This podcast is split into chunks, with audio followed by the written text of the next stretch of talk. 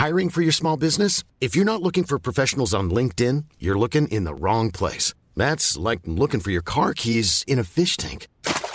LinkedIn helps you hire professionals you can't find anywhere else, even those who aren't actively searching for a new job but might be open to the perfect role. In a given month, over 70% of LinkedIn users don't even visit other leading job sites. So start looking in the right place. With LinkedIn, you can hire professionals like a professional. Post your free job on linkedin.com slash people today. It's that time of the year.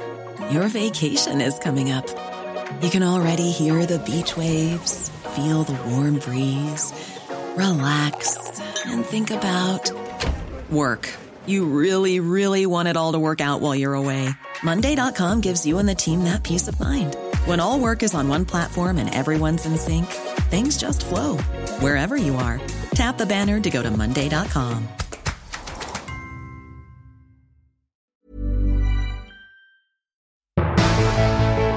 Han har laget podkaster om selvmord, drap, sykdom og sorg, men følger han egentlig presseetikken? Og er det egentlig journalistikk, det han driver med? Og hvorfor er ikke norske utenriksjournalister bedre på sosiale medier? Ja. Det lurer vi på denne uka. Vi lurer på en del andre ting også. For eksempel så lurte vi veldig på om Trond Giske vant fram med sin klage på det siste PFU-møtet denne uka. Men den ble utsatt fordi Trond Giske må legges inn for å operere galleblære. Ja, et, et millisekund der lurte jeg på om han hadde lagt seg inn for å få saken utsatt, men nei. Han skal altså opereres i dag. Det er så mye eder og gale i den mannen at eh, noe må, noe må ut, tenker jeg. Nei da, uff da. Nei, vi ønsker god bedring og, og, um, og kjapt recovery, som det heter. Og kommer tilbake til saken der Trond Giske har klaget inn eh, Adressa og Aftenposten og flere eh, medier, vel, Ja. eh, i forbindelse med de siste oppslagene de hadde eh, rundt noen varsler. Ja, altså Det var jo den, den, det varselet som, som kom helt bare noen timer før man skulle finne ut om Giske skulle tilbake i politikken, som jo han ja, ikke gjorde, da. Altså Rent bortsett fra at han er stortingspolitiker nå fortsatt. Men i hvert fall, det tar en måned til, det. Fordi det er jo ikke møter hver uke, så da må vi vente. Ja. Men En runde over bordet? ja, det er, altså vi må snart bestemme oss. Altså Det het en runde rundt bordet, og så har jeg sagt at nå er vi to. Svein Tore, nå har du hatt den talen der veldig mange ganger. Vi tar en runde over bordet. Hva er en runde over bordet? Men greit. Eh, skal du begynne, da? Ja, Eh, vi pleier altså å reflektere litt eh, over den uka som har gått. Er det noe som har øh, irritert oss, øh, gjort oss glade, øh, som har med mediene å gjøre? Jeg øh, føler at vi må innom gjenåpningen av samfunnet, selv om det ikke har så mye med mediene å gjøre. De skal ikke få skylda eller æren for den. Men øh, vi må jo kommentere det. Svein Tore, har livet ditt forandra seg nå siden lørdag klokka fire? Altså, jeg har tenkt litt på det. Ikke en dritt. Nei, ikke mitt heller. Jeg skjønner ikke hva greia er. Har, vi, har vi ikke levd ganske normalt eh, ganske lenge nå? Dette, bare dette er ganske provoserende for Ja, jeg noen å Jeg høre på. sier det for for å provosere. Ja, for vi har jo jobbet stort sett Fordi vi er jo så få på jobben. Ja. At vi har jo vært uh, i en slags normalt gjenge. Men uh, Og så er vi jo ikke 25 år lenger, så vi står ikke og tripper utenfor utestedene og kaster oss over Nei, eh, det er det, For skjønner der har det vært en endring, Ja, jeg fikk en del meldinger på lørdag som var sånn Hva skal du i kveld, og hva skal altså, hva Du gjør skjønte man ikke nå, liksom? spørsmålet? Så var jeg sånn Men altså, hva er nå annerledes for meg? Skal jeg ut og danse? Det har jeg jo da ikke vært på ganske mange år. Og restaurant med vin har man jo kunnet, så jeg satt hjemme med snørr i nesa jeg, og på sofaen eh, lørdag, sånn som jeg pleier, holdt jeg på. Altså intet nytt. ok. Men eh, hvis vi skal knytte det til mediene, da, så var det jo, det var jo full mediedekning av åpningen. Og, og jeg leste annet at eh, VG hadde VG og i Skipsted så er det jo sånne utviklere som må hele tiden finne på nye ting. Eh, altså Som gjør at de kan eh, fortelle historier på nye måter og digitale knapper og det hele tatt. Som er kjempebra. De hadde funnet på en, eh, en ny knapp nå, helt i toppen, som var en sånn derre Hva heter det når du En sånn når du spruter sånne eh, strimler av noe glanset papir Konfettigreier. Konfetti! Ja. Det er det det heter. De hadde en konfettiknapp helt øverst som du kunne trykke på for, liksom, for å sprute konfetti. Oi, så gøy. i- En million mennesker har trykket på den Ja. konfettiknappen. Det syns jeg var eh, da, da, da var det et behov for åpning, da, tenker jeg. Ikke sant. Men du, en annen ting som jeg Ja. har tenkt på. uh, som irriterte meg litt, det er at eh, jeg lurer på om vi har blitt litt for glad i å finne feil med alt mulig.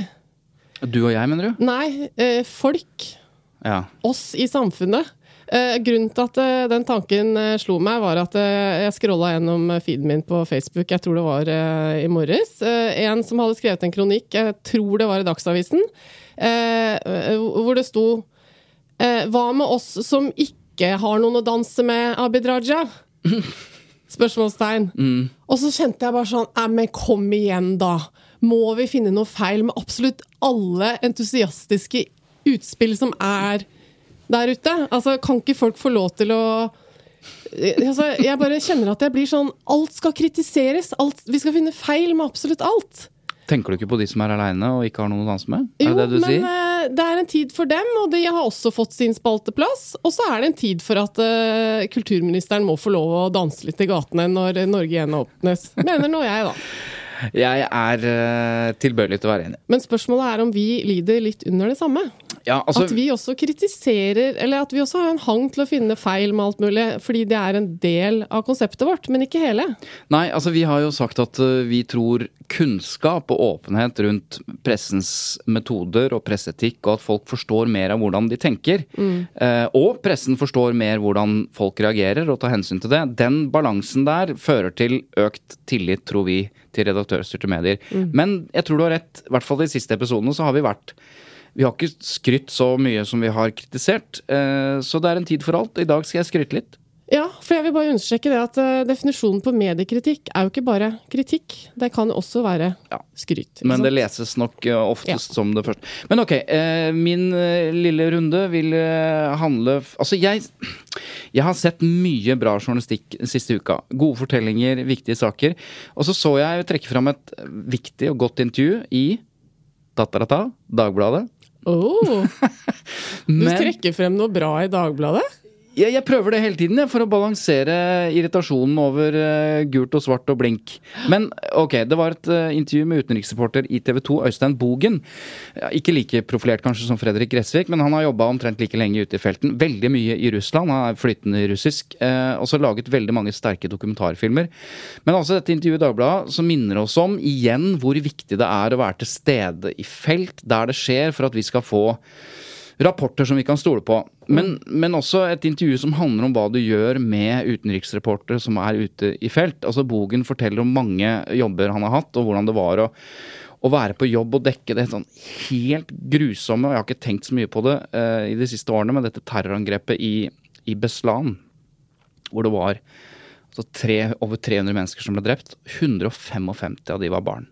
Og der sitter Øystein Bogen, han følger hele dette her. Eh, altså Det var kaos, det var skyting, og det var granatsplinter som slo ned rundt der han satt osv. Men det han husker, ikke sant, det er at barn som bare løp ut av skolebygningen, blodig livredde. Andre ble båret ut, noen levende, noen døde. Eh, og han var småbarnspappa på den tida, og han forteller at, eh, at det var liksom en ekstrem opplevelse. Og han sier at han, ja, han gråt hele veien på flyet hjem. Fordi det er så fryktelig. Og, og dette er noe som han aldri kommer ut av. Og det, det er både en, et intervju som gir et uh, bilde av viktigheten av å være til stede, men også hvor vanskelig det er. da, Når vi snakker om journalistikk og medier, så må vi må liksom ha i mente at, at journalister er ikke bare sånn som de prøver å fremstå, nemlig litt sånn uberørte og objektive. Dette er ting som setter enorme spor, da. Så jeg, det er et intervju som jeg vil anbefale. da. Ja, jeg er jo frista til å si at eh, hvis ikke det hadde vært så mye sånn eh, tut og kjør på forsiden av Dagbladet, så hadde kanskje flere funnet frem til den artikkelen du nå trekker frem, da. Ja, og så må du betale for det, og det er vi for. Vi er for å betale for uh, god journalistikk. Men jeg har bare lyst til å si en ting til. Uh, apropos utenriksjournalistikk, som jeg også fulgte med på denne uka her. Altså, Pressens Hus, som vi har snakket mye om, har eh, startet noe som heter Speakers Corner. Og der eh, det, det liksom Det ble strømmet, og det var et arrangement med utenriksreporterne Fredrik Gressvik, Yama Walsmal, Kristina Pletten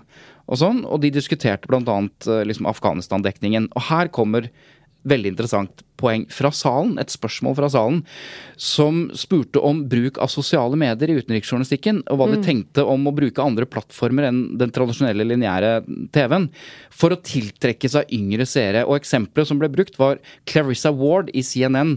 For hun legger ut masse på Instagram. Hun gjør det øh, så andre skal på en måte få tak i CNNs reportasje fra et annet øh, liksom, gjennom, gjennom sosiale medier, da, gjennom Instagram.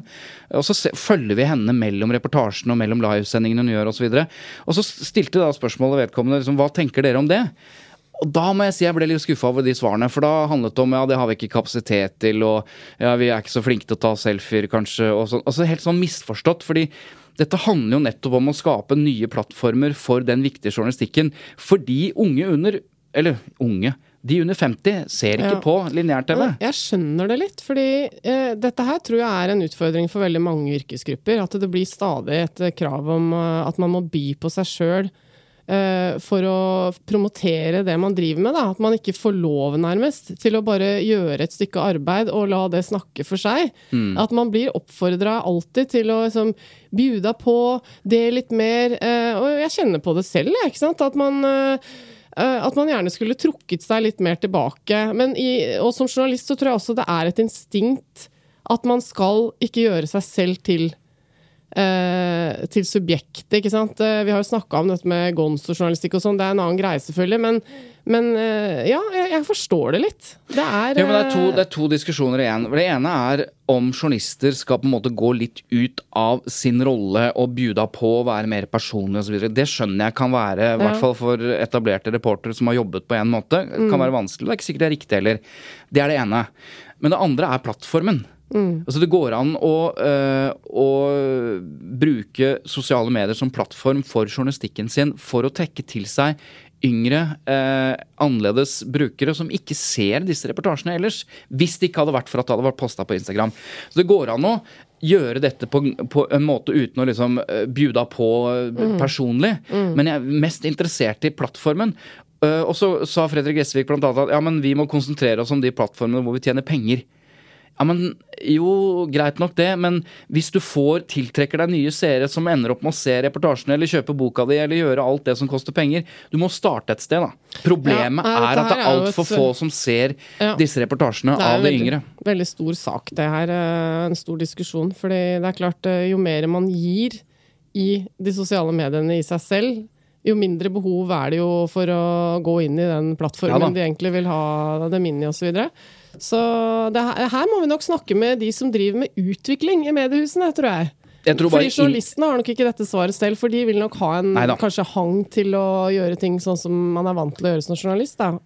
Er det i hvert fall lett å tenke. Jeg tenker i hvert fall at uh, du må ha en innstilling til dette som, uh, som er litt mer uh, søkende, da. Men, eh, men ok, greit. Men nå, nå dreiv du jo med litt kritikk allikevel. Ja, det begynte med skryt, da. Du Ja, ok. Pedagogisk, helt på plass. Først skryt, så litt kjeft. Klarer ikke å dy deg, vet du. Ok. Men uh, vi har fått en gjest, vi, i dag, Svein Tore. Vi har blitt ganske gode på det gjestekonseptet nå. Det, det, er, det er ikke så dumt, det. Ja. Det er altså mannen bak podkaster som Kot vil leve og de monsterproduserte NRK-podkastene Familien på Orderud og Det svarte flagget. Han har også laget podkasten Tobias, som handler om Harald Eia og Nadina Bolo som eh, opplevde å miste et barn. Og Ari, som handler om å prøve å forstå Ari Behn. Velkommen til deg, Joakim Førsund. Tusen takk. Du er flink, ass! Her fikk du det. rett. Det er fin, inn, fin inngang da, på et intervju. Altså, du lager så mye som jeg har på øret og koser meg glugg i hjel med. Så gratulerer med det, og tusen takk. Takk igjen. Det er jo nesten litt morbid da, at du koser deg glugg i hjel for, for det han lager podkast om. Først, sånn, det er ganske drøye eller alvorlige ting. Sorg og drap og så, eh, Ja, det kan du si. Det er kanskje Men jeg må innrømme at jeg liker Jeg har kanskje en hang til det som mm. er litt mer eh, jeg håper å si, ekte og trist noen ganger. Ja. Hva kaller du det du holder på med? Um, jeg kaller det vel for historiefortelling heller enn journalistikk, tror jeg. Jeg føler meg litt mer hjemme under den uh, paraplyen der, egentlig.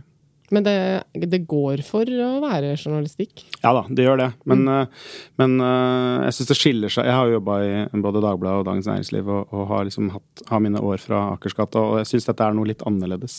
Eh, Det ligner mer på å skrive bøker, syns jeg, enn, på å lage avisartikler. Men får jeg spørre deg, jeg, jeg så en Det var jeg så en serie på TV nå, Kongen med Atle Antonsen. Hva heter han? Kongen, Fedrelandet, et eller annet sånt spiller konge. Kongen befaler. Så har han en Nei, ja, den heter Å ja, den, ja. Ja, den dramaserien med Ine Jansen den her om og dagen. Ja, glem det. Ja. Poenget var at han som konge har et utrolig godt sitat, og det er sånn jeg syns det er så mange podkaster. Eller er det for mange av Altså, han har en kommentar om podkaster, og, og grunnen til at jeg sier det, er fordi at det er forferdelig mange podkaster, og det er noen som står ut. Kjære landsmenn heter den. Ja, sånn, ja. og dine podkaster eh, står ut. Det er ikke bare noe vi mener, du har fått priser for dem. Hva er det du gjør eh, med disse fortellingene som eh, Tror du, da? Hvilke grep, hvordan jobber du for å få dette til? For å fortelle det på den måten som åpenbart mange liker? Eh, Jeg bruker sinnssykt lang tid. Eh, jeg gjør veldig mange intervjuer med de jeg snakker med. Jeg bruker også veldig mange, mye tid i klippen. Diskutere med redaksjonen eh, min eh, hvordan historiene skal fortelles. Og så tror jeg nok også at jeg er ganske tidlig ute i, liksom, i den strømmen av journalister og forfattere som, som har lyst til å fortelle historier på lyd. Så det kan nok hende at jeg ikke står like mye ut om et par år som jeg gjorde i starten. Jeg var litt, litt tidlig ute i Norge på å liksom melde overgang fra skrivende journalist til eh, lydfortellinger. Vi skal høre et klipp fra en av podkastene du har laget, som nå eh, denne uka vant en pris eh, på Fortellingens kraft. Arrangementet, og det er, eh, det er den som du nevnte, Eva, altså Tobias, eh, podkasten som handler om, om Harald Eia og hans samboer Nadina Bolo som, som mister et barn. Hva er det vi skal høre her, eh, Joakim? Eh, Vi skal høre eh, en liten scene fra den første dagen de kom på sykehuset, hvor Nadina Bolo var to tredjedeler ute i svangerskapet. Fikk en blødning som gjorde henne litt urolig. Dro på sykehuset. eh, Ble sittende på et sånn rom aleine og se på den, den derre pulsen som den hakkete linja på en sånn skjerm over hodet. Og mens hun satt der aleine og venta, så flata plutselig den eh, streken ut. Og så springer de av gårde med henne eh, inn på et rom, og hun aner ikke hva som skal skje. Og det er der eh, dette klippet starter. oppleves som at det er i hvert fall åtte mennesker der. Det er kanskje tolv? Jeg husker ikke helt. Det er, det er i hvert fall sånn at det står eh, folk rundt hele den sengen jeg ligger på. At det en som drar av meg buksen, en som drar av meg genseren, en som eh, Det er forskjellige ting som skal stikkes inn her og der. Er det sånn at du oppfatter noen ord eller setninger eller noe de sier til hverandre? Nei. Jeg tenker på om barnet lever. When you're ready to pop the question, the last thing you want to do is second guess the ring. At Bluenile.com, you can design a one of a kind ring with the ease and convenience of shopping online. Choose your diamond and setting. When you find the one, you'll get it delivered right to your door. Go to Bluenile.com and use promo code LISTEN to get $50 off your purchase of $500 or more. That's code LISTEN at Bluenile.com for $50 off your purchase. Bluenile.com code LISTEN. Hiring for your small business? If you're not looking for professionals on LinkedIn, you're looking in the wrong place. That's like looking for your car keys in a fish tank. LinkedIn helps you hire professionals you can't find anywhere else, even those who aren't actively searching for a new job but might be open to the perfect role. In a given month, over 70% of LinkedIn users don't even visit other leading job sites. So start looking in the right place. With LinkedIn, you can hire professionals like a professional. Post your free job on linkedin.com/people slash people today. Jeg rekker å tenke, og liksom tenke tanken ut at dette, det barnet inni magen kan være er død. Og jeg rekker å tenke at, at Er det nå jeg dør? At det, det, nå, du skal begge dø nå, eller hva, hva egentlig Det går, men det går, altså det går så fort. Men det føles likevel som at det er et, lang, liksom et hav av tid til å tenke på de tingene.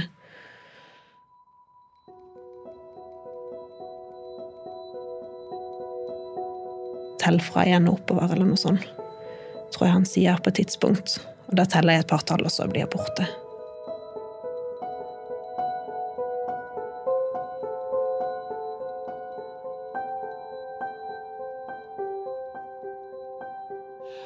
Og så kommer det, til et par minutter, så kommer det eh, en dame inn og så sier at nå er barnet ute.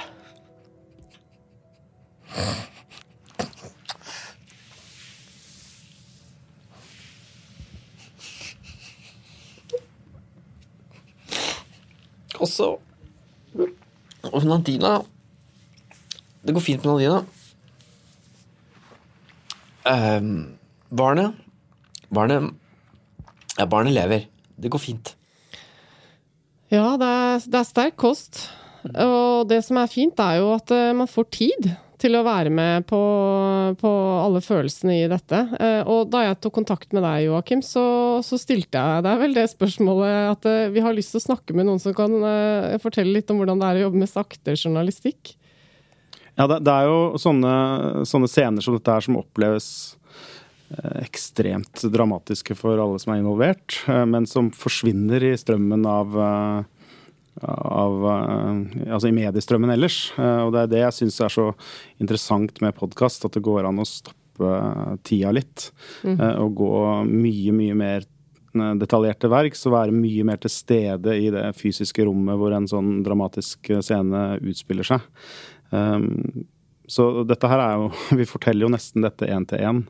Um, og en, det er klart at en sånn opplevelse som uh, Harald Eia og Nadina Bolo uh, hadde, er det jo uh, en god del som opplever, men det er jo ikke noe som eh, når mediene, på noen måte. Eh, så, så det synes jeg, Sånn føles podkast som et litt sånn unikt medium, med mulig å skildre denne type eh, scener eh, uten for mye staffasje. Vi snakker mye om presseetikk, eh, og du har jo innledningsvis eh, sagt at det er mer fortellinger enn journalistikk, og på den måten så aner jeg at du kanskje ikke forholder deg til presseetikken liksom hver eneste gang med, som en sånn overbygning, men jeg lurer på noe, og det, og det ene er du går inn i veldig veldig vanskelige situasjoner, og der er presseetikken viktig for å ha en sånn guidance. ikke sant? For det er sorg, og det er vanskelige ting. Og det har jeg lyst til å komme tilbake til. Men først så lurer jeg på Harald Eia. Du kjenner jo han. Ja, det, det orienterer jeg selvfølgelig om i starten Ja, du har om det. Kristine Koht, du, hvis du ikke kjente henne godt, så ble du veldig godt kjent med henne. Altså, du kommer veldig nær.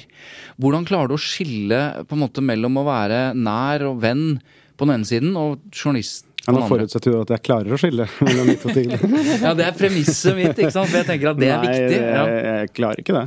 Nei. Eh, nødvendigvis, nei. Eh, men eh, det er jo viktig, syns jeg, å, hele tiden prøve å tenke på hvilke konsekvenser det får. Eh, at jeg ikke, at jeg ikke har en sånn distansert rolle som journalist i disse fortellingene. Det er ikke sånn at når Magnus Takvam skriver en bok om mora si, så har jo ikke han profesjonell eh, journalistisk distanse til materialet, han heller. Så det er bare en, jeg tenker at det er en litt annen type fortelling. En annen type historiefortelling. Og så, og så prøver jeg å inngå i historien som en representant for lytteren likevel. Da. Eh, At jeg liksom eh, Når jeg spør om ting, og når jeg kommenterer ting på Voice, så prøver jeg jo Da gjør jeg ikke det som liksom Harald Eias nære venn, men som en, en forteller, da. Eh, og så eh, oppstår det jo eh, dilemmaer eh, underveis. eh, og de eh, For det første så, så, la, så la, la vi selvfølgelig Jeg har en redaktør i NRK som kontinuerlig jobber tett med oss med innholdet, og også en etikkredaktør i NRK som jobber tett med oss med innholdet. Så det er ikke bare sånn at de hører igjennom til slutt. Vi tar opp dilemmaer hele veien okay. og så videre. Men kan jeg, kan jeg da stille det andre spørsmålet? Fordi det som kan skje, da, eh, som jeg også har opplevd som journalist når jeg snakker med folk jeg kjenner, er at de forteller ting til meg litt også fordi de stoler på meg og de kjenner meg. Som de kanskje ikke ville fortalt noen andre. Og det er jo på en måte en fordel. Men på en annen måte kan det oppstå utfordringer også, for er de klar over at de ikke sitter og snakker med en venn? Og, det, og jeg tenkte på ikke sant, Ari-podkasten, Ari Behn, om, om hans sykdom. Eh, der handlet det om andre typer utfordringer som Altså Det går inn i sykdomshistorien til en person som eh, ikke kan mene noe om det, for han er død. Altså, hvordan vurderer du den type Det presseetiske utfordringer? Eh, Jeg opplevde det som to spørsmål. Det, Ja. det første var uh, dette tillitsforholdet, er det et problem? Uh, sier de ting til meg som de kanskje angrer på etterpå? Uh, og til det vil jeg si at det kan godt hende at de gjør. Men det er vi også veldig klar over. For det første så opererer jeg med et veldig stort vindu, eh, altså mulighet til å trekke seg. Eh, for dette her er såpass eh, Altså i premissene. i premissene. Ja. Når, jeg, når jeg spør så om er dette noe du vil være med på, så, så sier jeg altså er, her er det fullt mulig å angre. Ja. Eh, Du kan det få høre på det, kjenne kan, på det. ja, Mm. du kan høre på hvordan Vi kan til og med klippe det litt med musikk, sånn at du, du skjønner hvordan dette kommer til å oppleves når det er ferdig. Sånn cirka ballpark. Um, og du har også mulighet Hvis, hvis, hvis et, et veldig intimt, eh, privat øyeblikk uh, blir omtalt, så kan du også trekke det. Uh, så så der gir jeg andre, gjør jeg andre avtaler enn jeg, enn jeg normalt ville gjort. Det er selvfølgelig også mulig fordi når jeg jobber med podkast, så er det bare jeg som sykler rundt med den mikrofonen min. Det koster ikke noe penger å gjøre ting på nytt. Eh, det er en helt annet rigg enn å ha et svært TV Jeg kan ikke gjøre den avtalen hvis jeg har et svært TV-team med meg, ikke sant? Ja, det er jo også en fordel satt opp mot live radio, da. Ja. Ja. Så, det, så det er det ene eh, ved det. Um, og og, eh, og vi altså, I denne podkasten om Tobias så var det nesten sånn at de kunne trekke seg dagen før publisering. Det var liksom hele, hele de, var, og, og også selvfølgelig siden jeg kjente dem, så var det jo ekstra viktig for meg å vite at eh, jeg ikke hadde dytta disse menneskene ut eh, på et sted hvor de ikke ville være. Ja, for eh, eh, det spørsmålet om hvorvidt det er et problem at du kjenner intervjuobjektene som du får med i et podkastprosjekt altså jeg tenker Med en gang du er inn i de prosjektene dine, så går det vel ganske kort tid før du kjenner dem godt uansett. For det var vel sånn at Christine Koht kjente du ikke, eller? Eh, Nei, Sånn hun hadde jeg jobba med, så øh, jeg, Vi hadde mer sånn felles bekjente, men vi var ikke venner eller Nei, noe ikke sånt. sant? Og da kommer du jo veldig fort veldig nær, vil jeg tro. Og da tenker jeg at uh, uansett om man har kjent folk fra før eller ikke, så er det også den utfordringen som jeg som ikke er journalist ser veldig lett for meg, og det er at med en gang du kommer så nær noen du har som gjest eller uh, i et prosjekt og sånn, så, så blir det umiddelbart mye vanskeligere å plutselig skru om og bli kritisk, da. Ja. Uh, nå er kanskje ikke det liksom, utgangspunktet for dine prosjekter uh, i og for seg, men, uh, men hvordan tenker du om det? Altså, Nei, det, altså det med, med, altså med å være kritisk, det er jo altså De to podkastene vi har snakka om nå, så er man jo ikke kritisk. Man er ikke kritisk til et kreftsykt menneske eller til et foreldrepar som har mista et barn, sånn sett, da. Men, men Nei, det er helt umulig å holde en slags øh, profesjonell distanse. Eh, Kristine Koht så ble jeg jo nærmest en slags pårørende eh, relativt raskt. Og ble liksom sugd inn i i, i, hele den eh, skjebnen som hun eh, plutselig hadde havna i. Da. Eh, og da Men det la jeg også lytterne forstå. Sånn at eh, Og det er nesten det eneste jeg kan gjøre, føler jeg. Jeg kan ikke kremte ha, ta fram journalistblokka mi og begynne å stille spørsmål Nei, på dødsleiet, liksom. Så sånn sett så, eh, i mye av det arbeidet ditt, så, så forholder du deg ikke så konkret kanskje til Vær varsom-plakaten som eh, ordinære journalister gjør, er det riktig oppsummert? Ja, det er veldig, veldig riktig oppsummert. Ja. Jeg forholder meg ikke til Vær varsom-plakaten i det hele tatt. Det er ikke det at jeg ikke at jeg ikke bryr meg om den, men det er mer at uh, vi forteller en historie, og så havner vi av og til i noen uh, dilemmaer. Uh, og så diskuterer vi de dilemmaene, og så tar vi de både internt og med, med, med redaktører i NRK. Som du registrerte i stad, så brøt jeg min egen selvpålagte regel om at jeg ikke skal stille to spørsmål på en gang. Eh, men jeg husker det andre spørsmålet du ikke svarte på. Jeg husker det også. Eh, ja. eh, og da nevnte jeg Ari Behn-podkasten som det har vært noe kritikk eh, knyttet mot uh, fordi det handler om en, en, en, en historie om sykdom. Uh, psykisk sykdom som endte tragisk. Um, hvordan, hvordan ser du på den kritikken som, Ja, hva har som kom? kritikken? Kritikken er at, eh, i oppsummert vel, at man, at man utleverer en person Mm. gjennom intervjuer med kjæreste og familie osv. Noen ville være med, andre ville ikke være med. Kjæresten hans var med. Og du får vite mye om Ari Behns Mm. eh, sykdom. Dette kan umulig han ha sagt ja til, all den tid han ikke er til stede. Mm. Sånn at eh, jeg lurer på liksom, de vurderingene rundt der, og der kom jo plutselig Hva var som-plakaten dundrende ned fra himmelen, da. Ja. Um nei, altså den eh, Jeg har ikke lest denne kritikken, for det er først og fremst litt sånn kommentarfeltkritikk, sånn som jeg har oppfatta det, i hvert fall. Ehm, jeg kan si at jeg har dette, dette er jo noe vi har vært opptatt av, selvfølgelig. Og jeg føler at vi jobba med to sikkerhetsnett uh, her. Ehm, det ene sikkerhetsnettet var jo uh, Ari Behns eh, nærmeste pårørende. Ehm, søsteren hans, moren hans og kjæresten hans. Um, og så vi diskuterte det både foran, i forkant av intervjuene, og også i etterkant i gjennomlytting osv. I tillegg så um, omtalte vi ikke um, ting som ikke Ari Behn hadde omtalt selv. Enten skriftlig eller i intervjuer. Så at disse tingene som vi, altså panikkangst, um, suicidale tanker, alt, alt dette hadde Ari Behn snakket om eller skrevet om selv.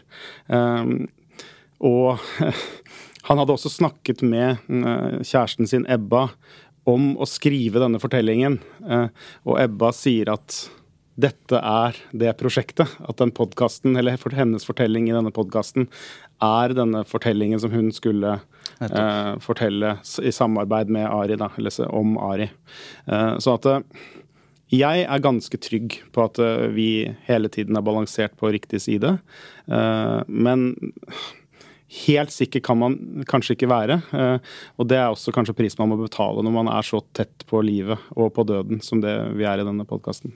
La oss høre et klipp fra podkasten, Joakim. Fortell litt eh, om dette klippet. Ja, dette er et eh, en klipp som er ganske sånn representativt for hvordan denne fortellingen er. Det er um, uh, Ari Behn, eh, en venn av Ari Behn, og uh, Ebba Ryst Heilmann, som er på vei til en sånn privat klinikk. eh, I et slags siste forsøk på å få Ari på beina og ut av mørket. Det er nå september i 2019, og det er Ebba og vennen Kenneth som skal kjøre Ari til institusjonen. Behandlinga skal vare i seks uker. Og jeg visste også at det kom til å bli helt vanvittig vanskelig. Hvorfor det? Fordi han trygla meg om å, om å få slippe. Hvorfor ville han ikke? Det var skummelt og ekkelt og sånn institusjonsaktig. Det var jo hans mareritt, ikke sant.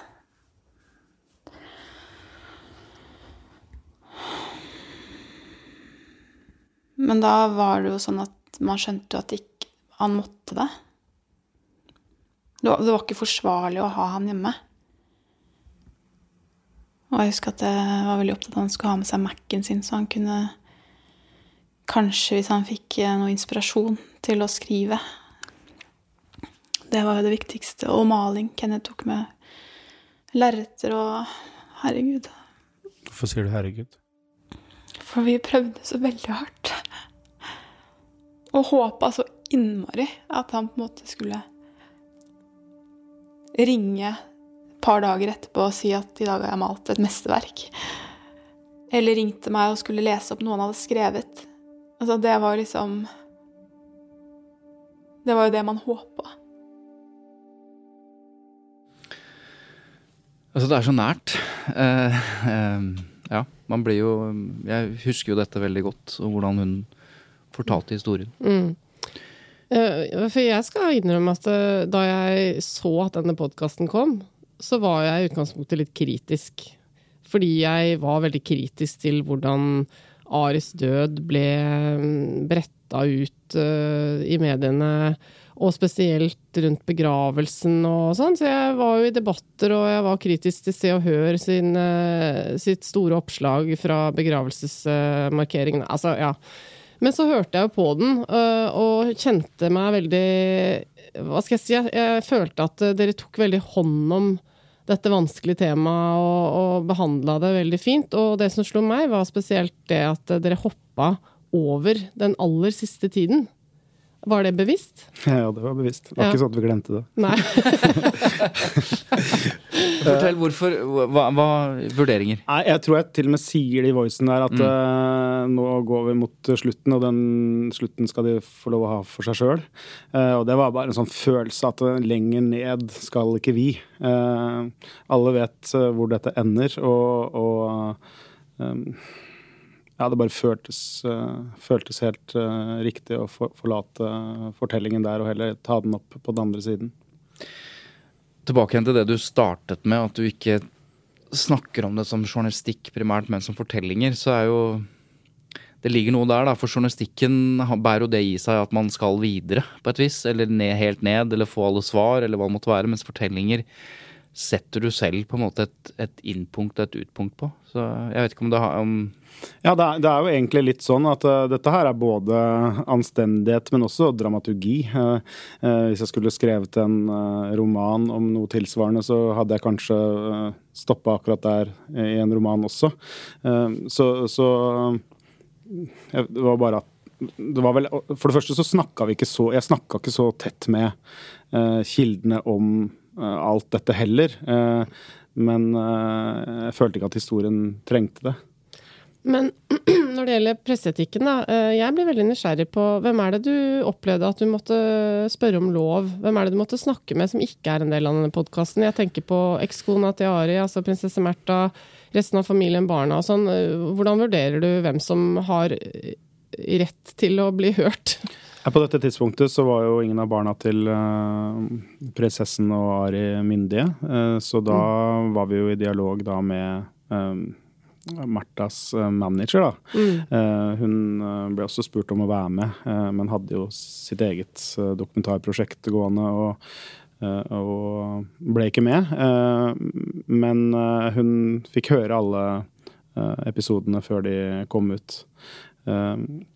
Og utover det så var vi jo så tett på som vi kunne være. Så selv om broren til Ari ikke er med i podkasten, så han jo, har han jo hørt alt. Faren til Ari har hørt alt. Moren til Ari har hørt alt. Eh, Så det at vi ender opp med søsteren og kjæresten, handla ikke egentlig om at eh, de var de to eneste som stilte opp. Det var det at vi syntes at det var en eh, Det var en veldig det var en veldig fin eh, måte å fortelle det på. eh, og det var en som hadde muligheten til å fortelle det, det lange løpet. Fra, eh, fra de var små til Ari døde. Og så var det en som kunne fortelle fortetta om de siste åra av Aris liv. Men når du sier at prinsesse Märtha får høre alt, hva, er, hva er beskjeden som følger de episodene? Om hva hun kan eller ikke kan mene, eller hva slags Altså hva er premisset? Nei, altså Premisset er vel bare at er- jeg, jeg satte ikke opp en smørbrødliste om liksom eh, at hun hadde anledning til å sensurere eller noe sånt. Men uh, det handler jo bare om meg som, uh, som avsender av fortellingen og hva jeg er komfortabel med. Jeg vil gjerne at alle skal ha muligheten til å uh, gjøre seg kjent med materialet, og også si fra til meg hvis det var ting som var vanskelig. Så måtte jeg jo da vurdert det suksessivt da, hvis det var innvendinger. Eh, Så det var ikke en sånn carte blanche til å begynne å redigere, men det, men det var mer en slags sånn uh, gest, egentlig. Eh, Det føltes uh, veldig greit for oss å kunne, kunne vite at alle hadde hatt muligheten til å høre. Hva var det du ønska å formidle med det prosjektet?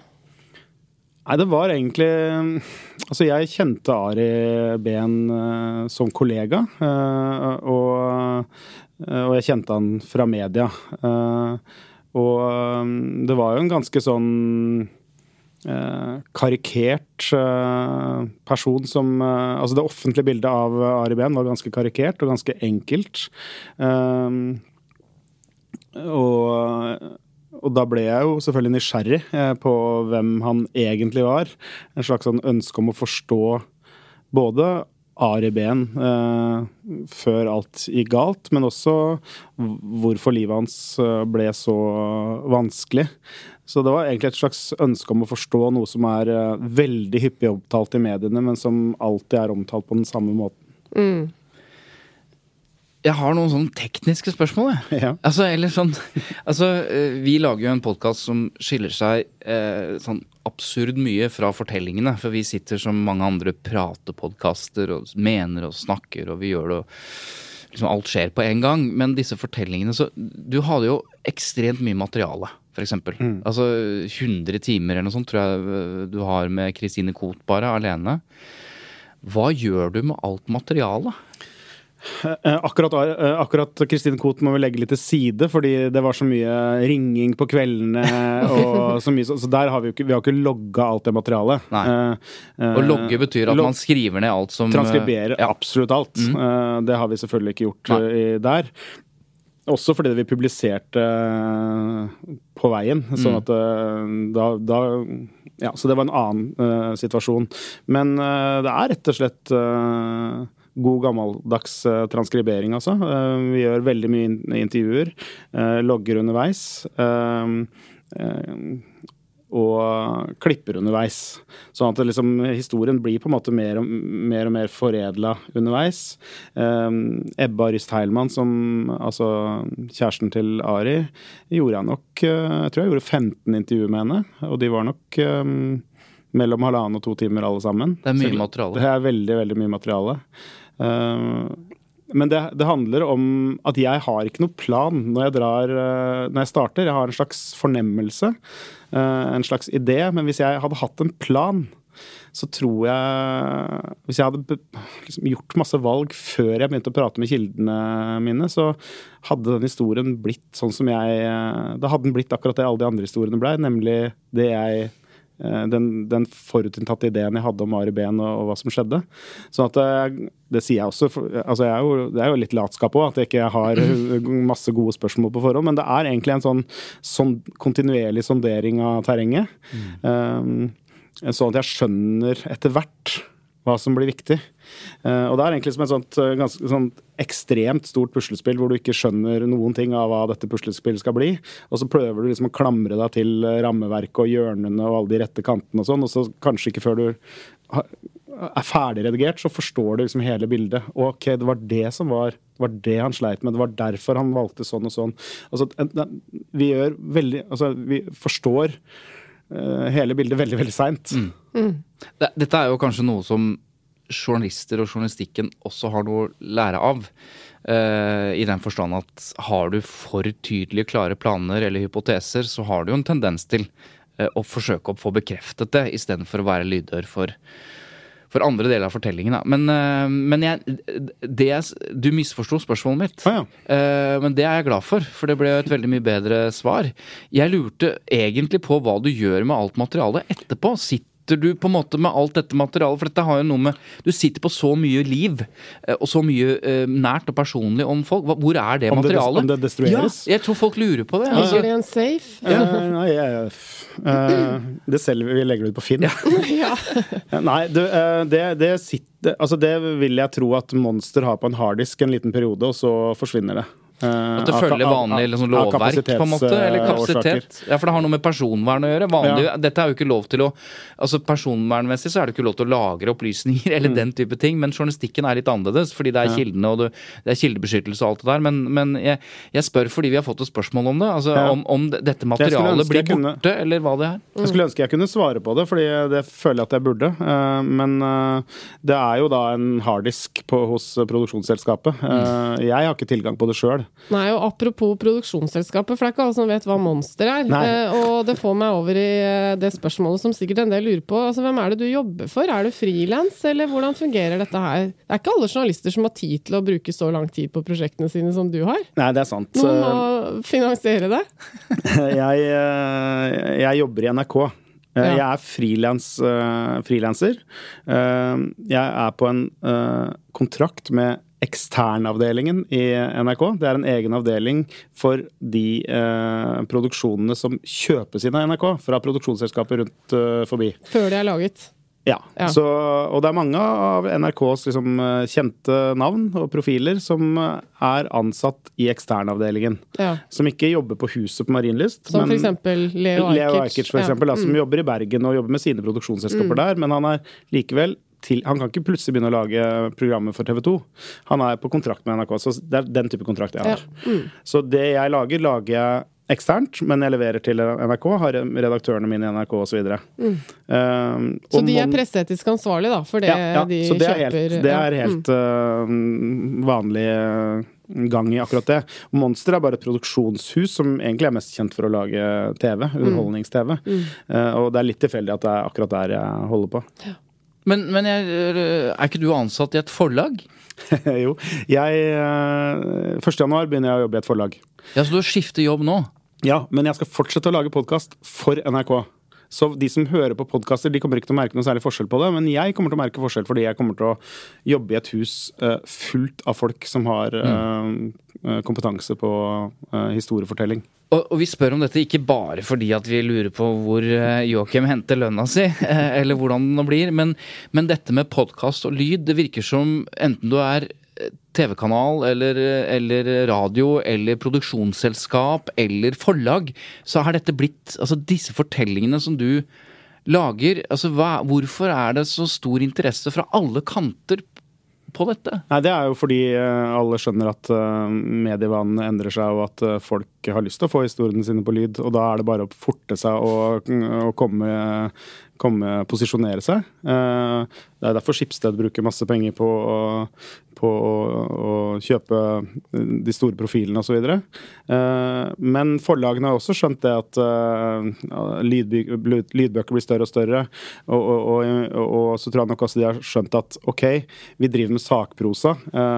Kanskje vi skulle vurdere noen av disse sakprosaprosjektene våre som en podkast isteden. Mm. I prinsippet er det jo akkurat det samme, men prøve å kalibrere og liksom tenke på hva er, det, hva, hva er det denne fortellingen uh, er best egna for.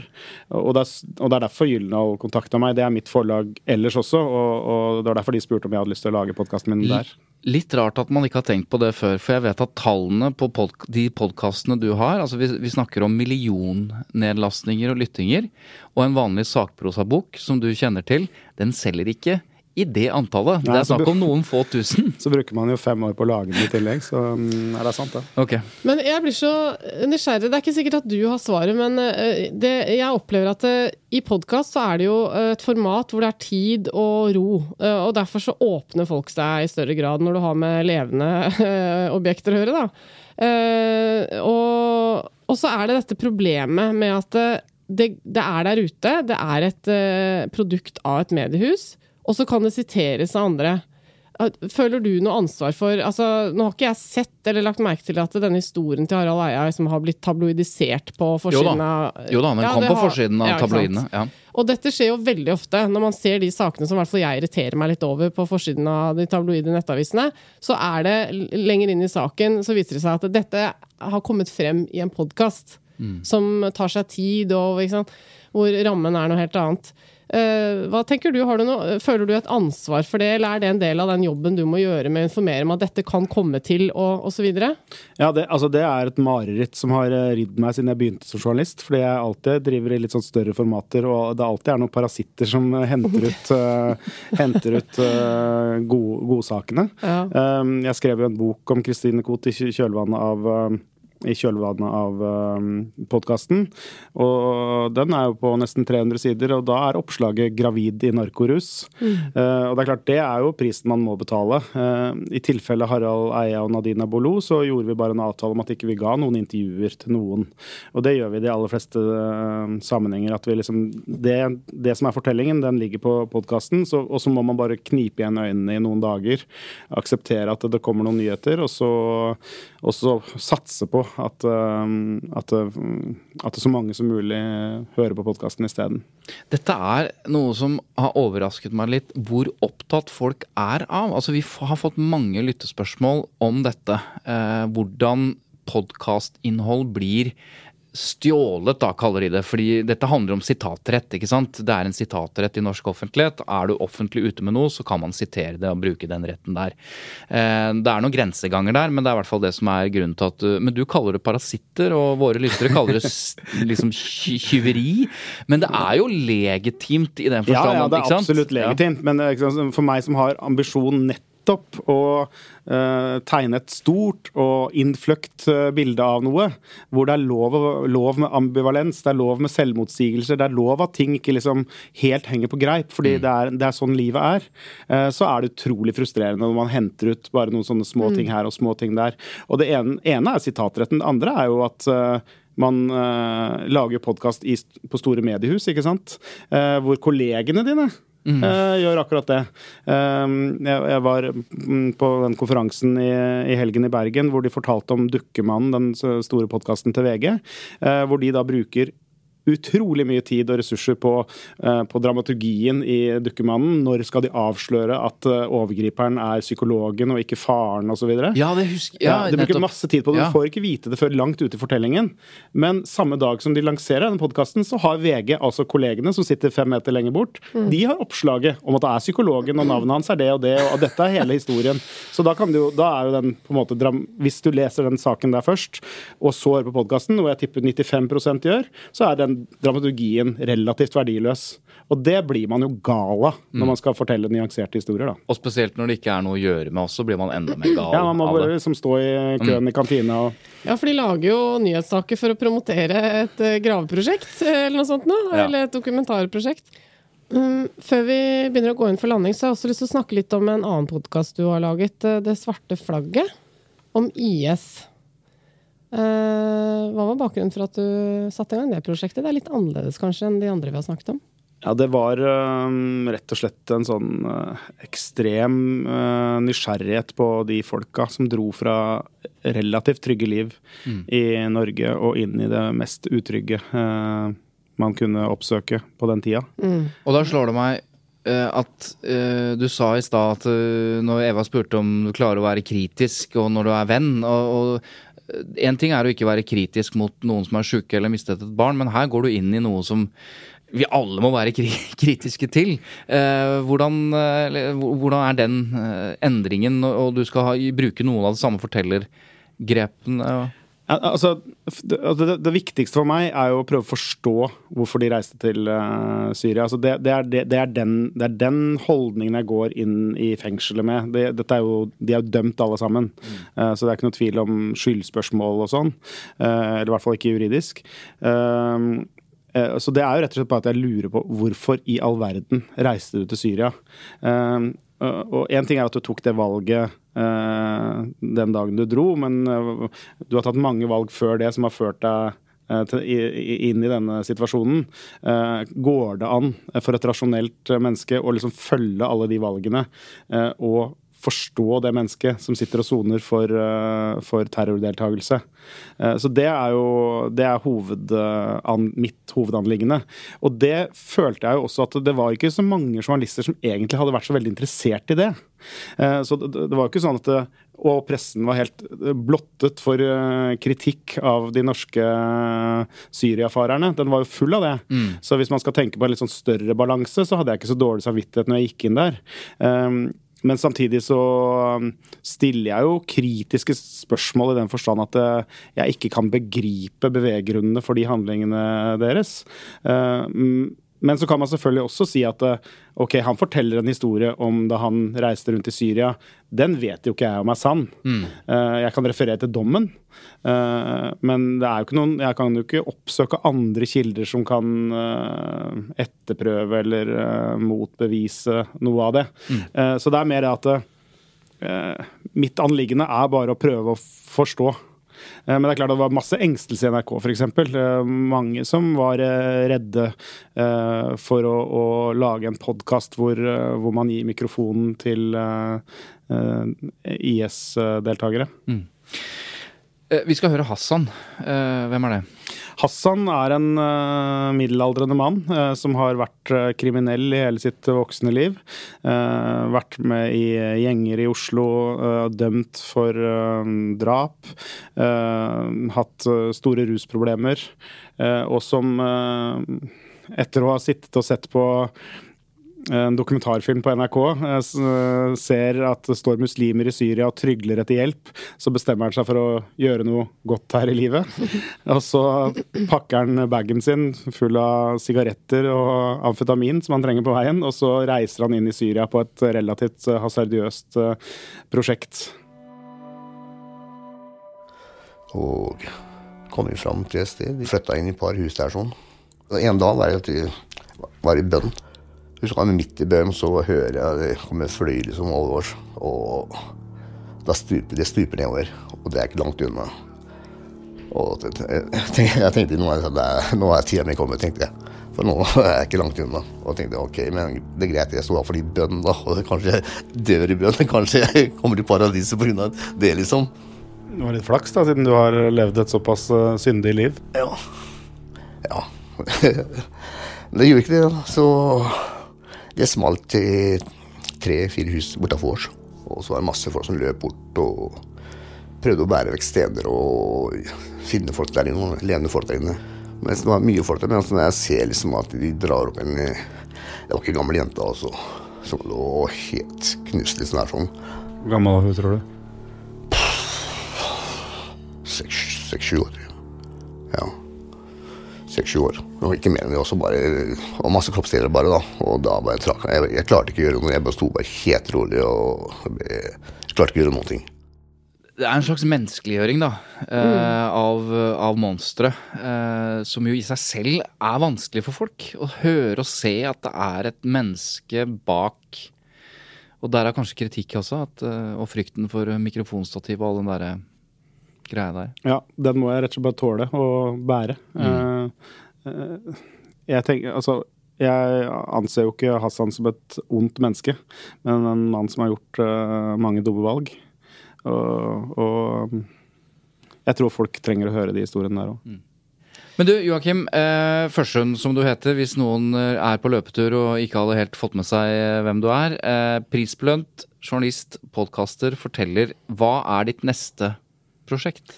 Ja, det er jeg glad for at du spør om. Det er en podkast om en dansebandmusiker fra Solør som heter Håkon Banken, eller het Håkon Banken, han lever ikke lenger. Eh, som ble veldig, veldig kjent på 80-tallet, men som egentlig ikke hadde noe lyst til å bli kjent. Uh, og det er antagelig en fortelling som svært få har hørt om, og som det er veldig befriende å skulle fortelle. Og la meg si det sånn, Hadde du kommet til meg med den ideen og jeg var en eller annen slags sjef i et eller annet mediehus, er jeg ikke helt sikker på om jeg hadde kjøpt den med det første innsalget der. Nei, det er det som er problemet med veldig mange fortellinger. Da. Eh, og det er det som også er muligheten til podkastformatet. Mm. Skal vi avslutte med et lyttespørsmål, Svein Tore? Ja, Joakim, vi vanligvis så prøver vi da å besvare så mange spørsmål som mulig. Jeg tror vi har besvart mange lyttespørsmål som både har kommet og som er i emning, ved at du bare har svart på våre spørsmål, fordi jeg tror eh, mange lurte på hvordan, eh, hvordan du lager disse podkastene. Men vi har et helt annet lyttespørsmål. Ja, et ja. veldig enkelt et fra Elin. Og hun lurer på hva er egentlig NTB?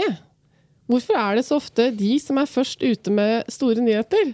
Det syns jeg var et veldig godt spørsmål, for det sier noe om ja. at vi kanskje tar ting litt for gitt noen ganger. At folk uh, vet, skjønner greiene. Altså, uh, hvor skal vi begynne? Jeg kan begynne. Ja, du kan begynne. NTB er Norsk Telegrambyrå. Det er altså et uavhengig nyhetsbyrå som de fleste aviser abonnerer på. Ja.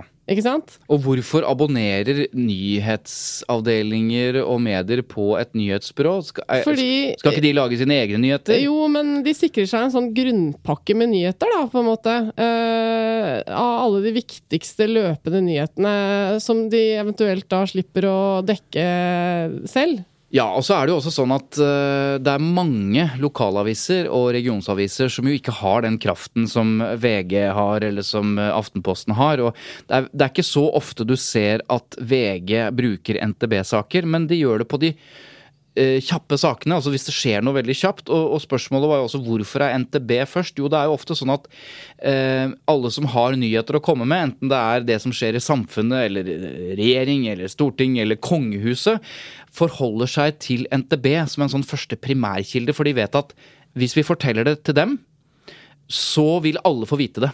Nettopp fordi du, som du sier, at alle abonnerer på NTB. Nå kom jeg på en ting. Mm. Eh, En av våre første episoder, da vi intervjua prinsesse Märtha, så fikk vi eh, en sak om det på NTB. Ja. Og det tror jeg er den eneste gangen vi har fått sånn skikkelig full, bred dekning eh, rundt en episode Ja. vi har laget. Nettopp fordi den begynte hos NTB en lørdag morgen, tror jeg. Og det kan jo være tilfeldig, for det sitter journalister i innenriksavdelingen på NTB eh, på, og jobber på samme måte som de sitter i andre nyhetsredaksjoner og jobber, men, men som du sier, hvis NTB først lager en sak, så er det plutselig saker i 70 andre aviser. Som kommer sånn på pling, sånn varsel, da, som du fikk nå fra NTB. Men, eh, men NTB er jo ikke ny, eh, det er ikke en ny oppfinnelse. Altså, dette er jo, de er jo eld, altså, NTB er jo eldre enn de fleste norske aviser. Det er stifta i 1867 eh, og er en vanvittig liksom, Tok du, fra, institusjon. tok du det der fra husken og Jeg kan alle årstall i hodet. Bergensbanen ble åpnet i 1909. Er det noen flere Eh, årstall du er lurer på? er det ikke sånn da at hvis man sitter på desken i, eh, i et mediehus, så får man, og så får man meldinger fra NTB, så veit man jo da at alle de andre eh, nyhetshusene får akkurat den samme. Får man ikke da behov for å liksom, sprite opp den saken? Eller gjøre den til sin? eh, Forandre den litt, osv.? Kan man det? Hvis du, hvis du legger merke til NTB-saker, så er det ofte, eller alltid, så er det en parentes før saken starter, og ofte et, et, et, et sted. Eksempel så står det NTB Bodø. Hvis VG har sprita opp saken eller gjort sine egne undersøkelser, så står det ofte VG-NTB for at du som leser skal vite hvem som er kilden. Og så har jeg lyst til å legge til en siste ting. NTB har også en utenriksavdeling som igjen abonnerer på internasjonale nyhetsbyråer. Det betyr at den vanligste formen for utenrikssaker eh, som du leser om NTB, der står det NTB-Reuters, f.eks., eksempel eller AFP, som er internasjonale byråer. Og det er nok den måten eh, norske medier også bruker de mest på. Altså bruker utenrikssaker eh, som er laget, eh, eller oversatt da gjennom NTB. Men eh, hvis, får man ikke litt lyst til å bare rappe en sak fra NTB, hvis man er journalist? Altså, jeg gidder ikke å dra på den pressekonferansen, jeg. Jo. Men eh, jeg bare ser hva NTB skriver, og så later jeg som jeg var der. Ja, det, Du er veldig nær sannheten. Altså, NTB gir jo ut eh, om morgenen så gir de ut sånne dagsplaner, eller hva skal de dekke i løpet av denne dagen, Ja. og for så vidt denne uka. Og da kan du som nyhetsredaktør i en bitte liten avis tenke sånn De skal dit, ja. De, da fint, da får vi det derfra. Men de skal ikke dit. Og det var dumt. Da sender vi en egen reporter. Så de planlegger jo ut ifra hva NTB også dekker. Men er det også sånn at uh, hvis man er journalist uh, i en avis og lager en sak, så kan man bli sitert av NTB, sånn at den da går videre? Absolutt. Ja, det er et høydepunkt, da. ikke sant? Hvis du har lagd en sak Nå gjør meg litt dummere enn jeg er, altså. Ja, ja. Du skjønner du. Nei da, men det er fint at du er lytteren. Altså Hvis P4 har en viktig sak som NTB anser som viktig i deres øyne, så siterer du P4 melder, og da plutselig får eh, hele Norge vite at P4 melder det, for da kommer de alle Det kommer jo ikke automatisk i alle aviser. Det er jo sånn at avisene, hvis du er Sunnmørsposten, så vurderer du skal jeg ta inn denne saken fra NTB. Men så vet Så grundig ting. Har vi sjelden besvart Ja, et lytterspørsmål, men, men, det er greit. til. Det er noe som heter NTB kommunikasjon. Ja, det som vi annet. eh, har å gjøre litt med. For det går an også hvis man er en aktør som har lyst til å få ut sitt budskap gjennom pressemeldinger og sånn, Mm. så har de også en sånn tjeneste hvor de kan distribuere pressemeldinger fra folk. Det er NTBs pressemeldingstjeneste, og det er noe helt annet. Da er Ja, det men du det altså, heter jo NTB, så noe helt annet kan det ikke være. Jo, i, i, i praksis er det noe helt annet. Fordi du og jeg kan da f.eks. hvis vi har en kunde som har lyst til å komme ut med en uh, opplysning om at de har kjøpt et annet selskap, eller gud vet hva, Ja. så kan vi bare skrive den pressemeldingen Ja. og betale fast i året eller per pressemelding, så NTB sender ut den as is. Ja. Men ikke sant, det er pressemeldingstjenesten. Fordelen er at da får også avisene som abonnerer på det, det, det der. Mm. Men det betyr jo ikke at, at det er en nyhet. For det NTB Innenriks eh, skriver jo ikke om den saken hvis ikke den saken er viktig. Nei. Så det er to forskjellige ting. Og sånn jobber NTB for å holde seg i live, og de har holdt seg i live siden 1867. Det gjør de fordi de kommersialiserer virksomheten sin. Som alle andre gjør. Det betyr at de har De selger tjenester. Ja. De selger alt mulig rart. du sa ikke selger, selger sjela si, nei? Nei, det er ikke lenge før. Nei da. Nei, det er en, eh, det, og nå er det et lederskifte i NTB, hvis du lurte på det. Ja. Så nå er det mange som mener at det er en kvinne som skal bli ny toppsjef i NTB. Så da, kan vi ta en gjetterunde på det. ja, det blir Sara Sørheim, men vi kan godt gjette Ja, Nei vi kan da. godt gjette at det blir Sara Sørheim. ok. Ok. Da tror jeg vi eh, skal takke for oss for denne gang. Skal du takke gjesten nå, for han eh, sitter jo tålmodig fortsatt sammen Kjære med oss. Joakim eh, Førstund, tusen takk for at du tok deg tid til å komme til oss i Tute Mediekjør. Tusen takk for at jeg fikk komme. Mm. Ja, eh, Det er veldig vanlig når gjester får takk, så sier 'tusen takk for at jeg fikk komme'. Er det, mente du det nå? At du liksom syns det var gøy å være her, eller hva, mener, hva legger du i det? Jeg syns det er hyggelig å kunne snakke om hvordan uh, jeg jobber. Eh, Og så skulle jeg ønske at uh, jeg kunne høre andre som kan fortelle om hvordan de jobber. Så kan jeg lære litt av det òg. Ja. Det det skal vi godt, prøve å bidra til. Godt tips. Vi skal legge ut en liten liste over de podkastene vi har snakket om på Facebook-siden vår. Mm. Eh, og så må vi huske på å takke Lyder Produksjoner, for, som er produksjonsselskapet til denne podkasten. Og så kan vi takke researcher Atle Andersen for at han researcher for oss. Flere, flere vil takke. Jeg vil takke hele Medie-Norge for den fantastiske journalistikken de gir oss eh, hver eneste dag. Eh, Fort og sakte journalistikk. Og så må jeg selvfølgelig takke deg, Svein Tore. Tusen takk, og tilbake igjen til deg, og takke lytterne. Det er kanskje det viktigste, da. Da er vi ferdige med å takke. Ja. Takk for nå. Takk for nå.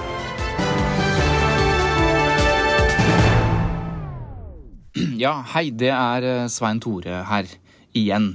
Altså, Det skal ikke bli en vane å, bryte inn sånn eh, mot slutten, men vi må eh, for ordens skyld beklage at vi i forrige ukes episode av Tut og Mediekjør introduserer imøtegåelsen fra Dagbladet med feil navn. Altså, han vi snakker med er ikke Jonas Jørstad, ansvarlig for kjendisdesken i Aller Media, som Dagbladet er en del av. Den vi snakker med er nemlig Jonas Pettersen, redaksjonssjef i Dagbladet Pluss. Misforståelsen har selvfølgelig sin åpenbare forklaring, eh, som i og for seg er ganske vittig.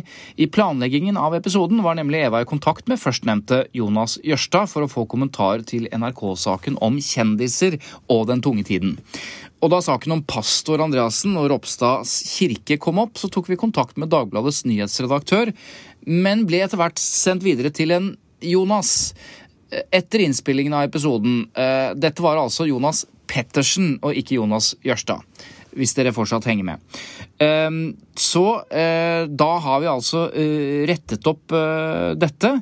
Vi beklager selvfølgelig. Dette her er eh, en inkurie, som det heter. Vi tar på oss all skyld for denne forvirringen og denne Jonas-forvirringen. Samtidig understreker at i alle tilfeller er snakk om to flotte eksemplarer av Jonas fra Dagbladet. Sånn, da er det gjort.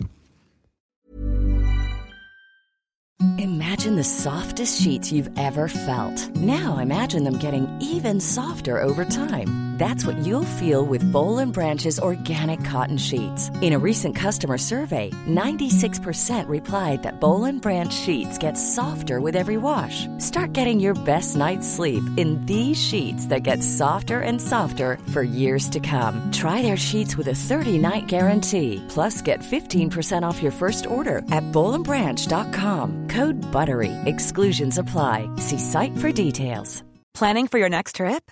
Elevate your travel style with Quince. Quince has all the jet setting essentials you'll want for your next getaway, like European linen, premium luggage options, buttery soft Italian leather bags, and so much more. And is all priced at 50 to 80% less than similar brands. Plus, Quince only works with factories that use safe and ethical manufacturing practices.